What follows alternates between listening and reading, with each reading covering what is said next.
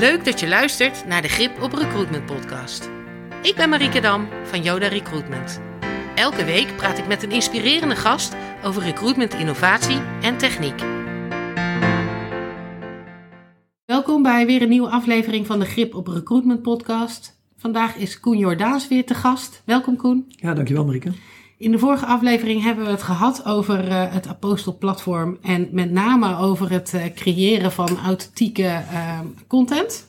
Um, en waarom dat zo belangrijk is op dit moment. Um, we hebben het eigenlijk bijna niet over recruitment gehad. En het is toch de grip op recruitment podcast. Dus die brug wil ik heel graag even maken. Lijkt me een goed idee. Um, bedrijven die zijn op zoek naar kandidaten. Allemaal op zoek naar kandidaten. En daar hebben ze natuurlijk best wel veel kanalen voor. Hè? Jobboards, een eigen werken bijsite, uh, um, een, een, podcast. Een, uh, um, hoe spelen jullie daarop in? Of wat kunnen jullie daarop uh, in bieden? -hmm.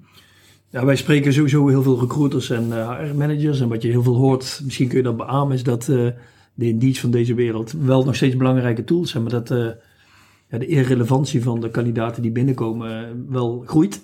Ja. Uh, en dat de resultaten tegenvallen bij de, ja, zeg maar even de traditionele kanalen. Laten we die dan al met, meteen traditioneel noemen. Um, ja, en, uh, en daarvoor is er echt wel behoefte aan uh, nieuwe manieren, nieuwe middelen om de bestaande traditionele kanalen beter te voeden. En in mijn optiek is dat met authentieke content, hè, de echte verhalen uit de organisatie, want daarmee gaan die middelen ook gewoon veel beter scoren. Ja. En daar hebben we best veel voorbeelden ook in gehad in de afgelopen jaren.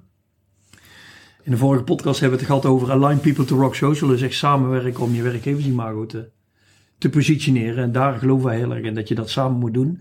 En daarmee kun je dus het netwerk van je merkambassadeurs ook nog gaan benutten als extra kanaal. Ja. ja dus we gaan een extra kanaal bieden als uh, recruitment kanaal. Ja, en daarnaast is het gewoon heel goed om met elkaar te werken aan het werkgeversimago. Dus die echte verhalen laten zien van de werkvloer.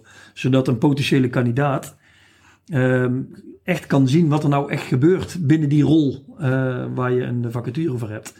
Want vaak ja, lezen mensen wel een vacature en gaan ze wel kijken naar de website van het bedrijf. Maar dan wordt dan nog niet echt duidelijk wat het, uh, wat het nou eigenlijk precies inhoudt. Ja. En dan vinden mensen het best spannend om te reageren of hebben nog geen idee. En um, uh, ik hoorde je net zeggen, um, we hebben best wel wat goede resultaten dat door, uh, door authentieke zichtbaarheid mensen mm -hmm. ook op de traditionele uh, kanalen, ik neem hem over, traditionele kanalen komen. ja. um, kan je daar een voorbeeld van geven? Want daar heb ik ja. niet zo'n. Nou, we hebben zelf in het verleden hebben we ook best veel campagnes op social media zeg maar, uitgevoerd voor, voor klanten. En dan zag je gewoon als je authentieke content, dus foto's en video's vanuit de organisatie die ingestuurd werden door merkambassadeurs, gebruikt in de betaalde campagne, dat die meestal 2,6 keer gemiddeld beter scoorden dan dat je daar een, uh, ja, een gelikte bedrijfsvideo of een uh, stokfoto of een foto van, ja, van de fotograaf zeg maar uh, ja. in, in verwerkte. Dus dat scheelde best wel veel. Ja. En want je stuurt heel erg in marketing in ieder geval, want ja, ik ben natuurlijk marketeer, stuur je heel erg op klikratio's en natuurlijk het bereik. En je, je begint bij bereik inkopen, en voor dit geval bereik via merkambassadeurs. Ja. Uh, wil je uh, voor elkaar krijgen. Maar vanuit dat bereik wil je natuurlijk ook dat mensen iets gaan doen. Hè? Dus klikken op een link, nou dan heb je die klikratio's die je gaat meten. En vervolgens kom je dan op een werken bij pagina of een landingspagina waar de vacature dan op staat. En daar wil je dan graag dat mensen zich inschrijven. Dus dan hebben we een conversieratio voor de linkklik, zal ik maar even zeggen. En je hebt een, ja, een conversieratio op de landingspagina. Hoeveel inschrijving heb je? En dan zie je daar die verschillen heel groot uh, worden. Ja, Als je en... dus authentieke content gebruikt. Op de landingspagina en op de campagne, sorry. Of, en op de advertentie, dat bedoel ik eigenlijk. Ja. Voor de niet-marketeers onder ons, uh, uh, een conversie is eigenlijk gewoon een sollicitatie. Ja. Um, hè, dus je wil, uiteindelijk wil je dat iemand een actie onderneemt. En of dat nou is, uh, ze laten hun naam telefoonnummer achter om een koffieafspraak te maken in jouw bedrijf. Uh, of je wil dat ze een uh, motivatiebrief en cv insturen. Af te raden overigens, maar dat is een heel ander onderwerp. Um, een conversie is een sollicitatie. En eigenlijk het leuke is als je met de marketingbril naar recruitment uh, kijkt, ja. wat we steeds meer proberen te doen. En wat ook echt steeds nodig, meer nodig is, uh, dan zie je dus dat die, het inkopen van, dat, uh, van het bereik uiteindelijk altijd resulteert in een bepaald, bijna altijd in deze schaarse markt, in een bepaald aantal conversies of sollicitanten. Ja. ja. Maar dat bereik is groter, zeg jij, op het moment dat je echt zeker. authentieke content kan genereren. Ja, zeker. zeker ja.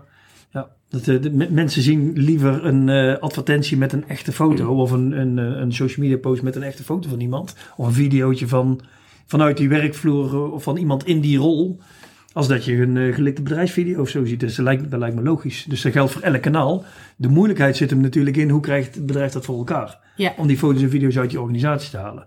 Dus in mijn optiek moet je daar starten om onderscheidend te zijn ten opzichte van de markt.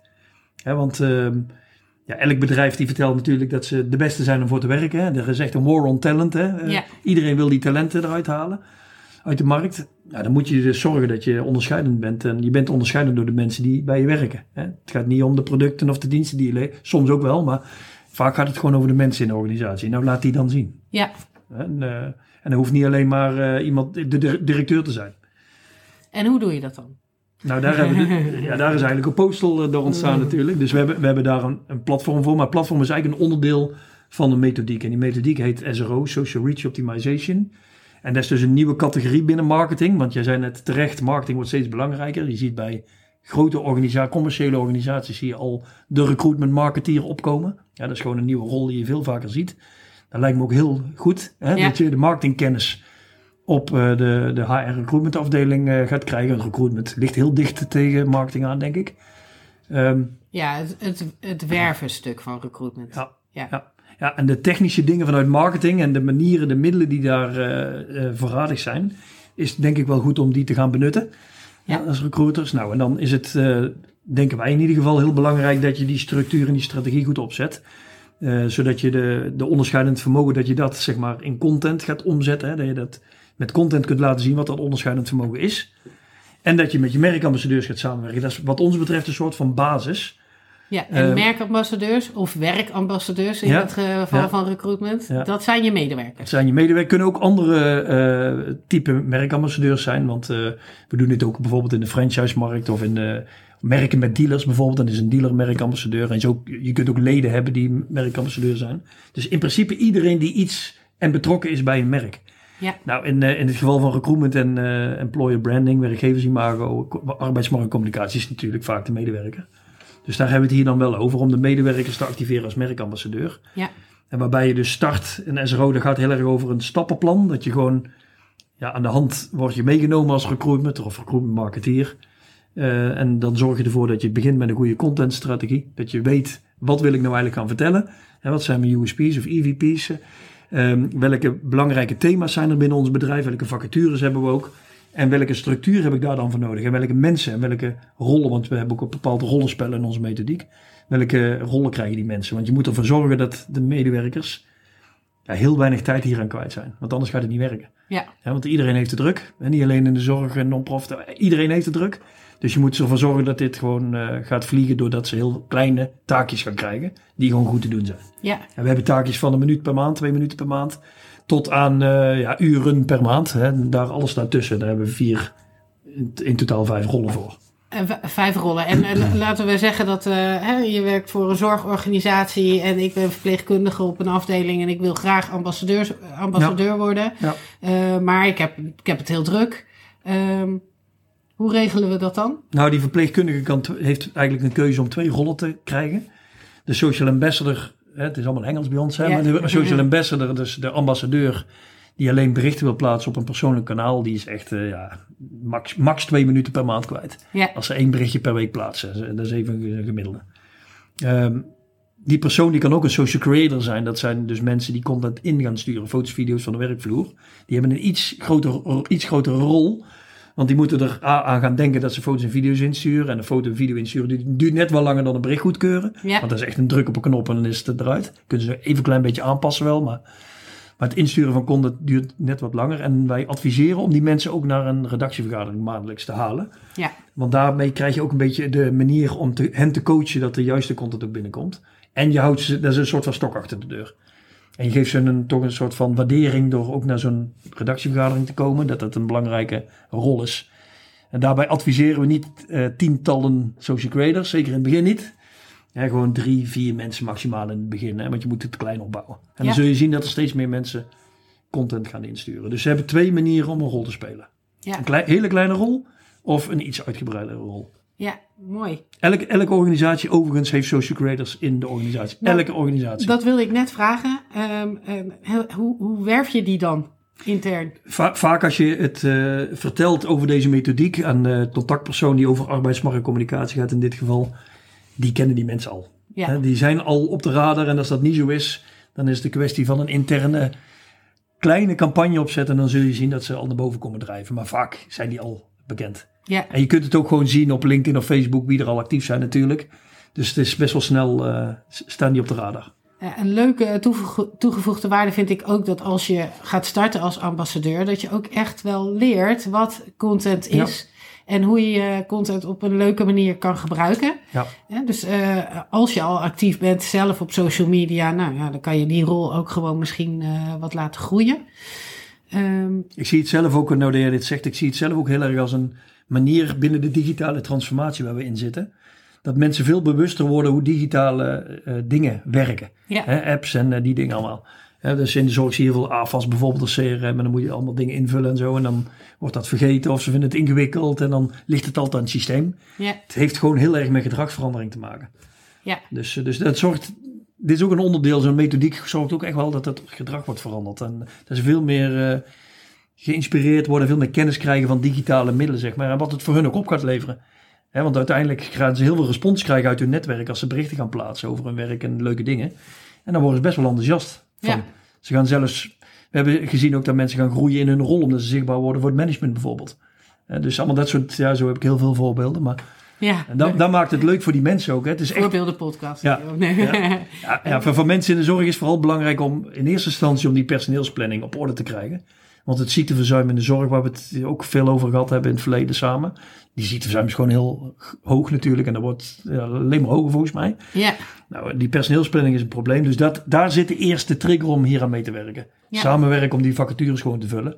Maar je zult zien dat er ook echt wel ja, softe dingen belangrijk gaan worden, zeg maar even. De respons vanuit het netwerk en de leuke reacties uit je persoonlijk netwerk. Zeker. Ik geloof er ook heilig in dat als op het moment dat je je eigen werk op een leuke manier kan laten zien, of je leert eh, op een, eh, met een enthousiaste blik naar je eigen werk te kijken, dat je zelf enthousiaster wordt, Ja. maar dat ook je collega's enthousiaster Ja. worden. Kijk eens wat voor een. eh, eh, wat tof dat dit mogelijk is. Of eh, eh, wat leuk dat, dat die of die die kans krijgt. Of hé, hey, dat hebben we hier ook. Eigenlijk heb ik daar nog nooit op zo'n manier naar Ja. gekeken. Dus ja, Ja. ik geloof Ja. daar echt in. ik heb in 2018 een boek geschreven over deze methodiek. Die is alweer een beetje, een beetje verouderd. De methodiek is doorontwikkeld, dus dit, we zijn nu bezig met een nieuw boek. En het is niet om een boek te promoten, maar de, een van die voorbeelden was iemand van Vivent. Dat is een thuisorganisatie uit Den Bosch en die regio. Best een grote organisatie. En daar was dus echt iemand letterlijk gegroeid in functie, omdat ze dus zichtbaar was voor het bestuur. Ja, En die kwam, en die, ik kende die dame niet persoonlijk, maar die kwam naar mij toe op een event en die kwam dat dus vertellen. Die was helemaal enthousiast natuurlijk daarover. Ja. Dus dat, dat soort dingen. Ja, mooi. Ja. En even terugpakken naar eh, eh, voor de data- en eh, KPI-liefhebbers onder ons. Ja. Even terugpakken naar SRO als, als methodiek. Mhm. Dat is meetbaar. Ja. Ja. En hoe doen jullie dat? Nou, in, in een plat, daarom is techniek ook een beetje belangrijk natuurlijk, om eh, die mensen het heel makkelijk te maken, wat ik al zei. En elke actie die ze doen, die wordt eh, in principe getrackt. Hè? Dus eh, overigens slaan we geen, geen data op wat allemaal ingewikkeld is voor verwerkingsovereenkomsten en dergelijke. Nee. En, dus we hebben ook ISO-certificering en dat soort zaken. Dus het is allemaal heel simpel. De content die ingestuurd wordt, dat wordt wel opgeslagen. Maar als ze een actie doen, dus ze plaatsen een bericht, dat wordt gemeten. Ja, En dan wordt er ook een inschatting gemaakt van het bereik dat, ze, dat ze hebben. Ehm, dus het, het bereik wordt eh, gemeten en eh er wordt ook nog teruggegeven hoeveel geld je dan verdiend hebt ten opzichte van betaalde advertenties. Dat noemen we earned media value. Ehm, maar daarnaast worden ook de kliks gemeten. Hè? Dus je kunt ook ehm, ja, UTM-codes, ik weet niet of je dat kent. ja ik wel. Eh, Oké, voor de luisteraar UTM-code, dan kun je eigenlijk alle links zeg maar, die je deelt via campagnes, niet alleen via ons platform, maar ook via Google of andere eh, platformen, die kun je dan meetbaar maken. Met andere woorden, je kunt echt zien hoeveel kliks heb ik via welke merkambassadeur gekregen. Ja, En dus dan kun je eigenlijk eh, nagaan hoeveel kandidaten je via een persoon hebt binnengekregen of zo. Dus Ja. dat soort dingen zijn meetbaar. En waar we nu aan het eh, ehm, onderzoeken zijn, is dat, hoe dat we authenticiteit meetbaar kunnen maken. Ja, dus we kunnen al meten hoeveel inputs komen er binnen. Dus hoeveel foto's, video's worden er ingestuurd door medewerkers. Dat kun je gewoon al meten. Daar krijg je ook punten voor. Er zit gamification in ons platform. Ja. Dus een spelelement. Leuk om ook een keer over te hebben. Zeker. Ja. Ja. Dan kun je dus ook prijzen eraan hangen en dergelijke. Dat is eh, echt een extra motivator, een extra activator. Nou, al dat soort tools zitten in het activatieprogramma. Want we hebben niet over, over het activatieprogramma heel specifiek al gaan. Maar er zitten heel veel tools in om die mensen actief te krijgen en te houden. Ja, dus als je, eh, eh, als je aan de slag gaat met SRO, om het even samen te vatten, eh, in die end kan je ook echt meetbaar, het what's in it for me Ja. is echt meetbaar. Ja, ja. het is echt meetbaar en dat wordt nog veel meetbaarder. Hè, want Ja. daar zijn we echt wel op door aan het ontwikkelen. Maar het is voor een groot deel al meetbaar inderdaad. Ja, dat is voor recruitment, op recruitment vlak ook echt wel nieuw. Ja, want het is heel moeilijk om eh, je activiteiten echt goed door te meten. ja, Die ja. je, eh, of de acties die je neemt. ja. ja waar wij nog naar op zoek zijn is bijvoorbeeld, eh, en dat zijn we het, zeg maar intern aan het onderzoeken met een aantal klanten. Want zo ontwikkelen we namelijk samen met klanten. Van hoe kunnen we nou ervoor zorgen dat als er een kandidaat binnenkomt met naam en rugnummers, dat we die echt kunnen linken aan een persoon en een merkambassadeur. En die is nog heel ingewikkeld. Ja. Ja, dat is gewoon technisch een ingewikkelde uitdaging, maar daar zijn we wel mee bezig. Of in ieder geval, daar willen we naartoe. Leuk. Nou, spannende dingen en eh, eh, echt ook wel eh, voer voor eh, nog een aflevering, denk ik. Ja, Dankjewel, dat denk ik Koen. ook. Ja, graag gedaan. Bedankt voor het luisteren. Nieuwsgierig naar innovatieve recruitment technieken voor jouw organisatie? We helpen je graag. Kijk voor contactinformatie op de website van Yoda Recruitment. Tot volgende week.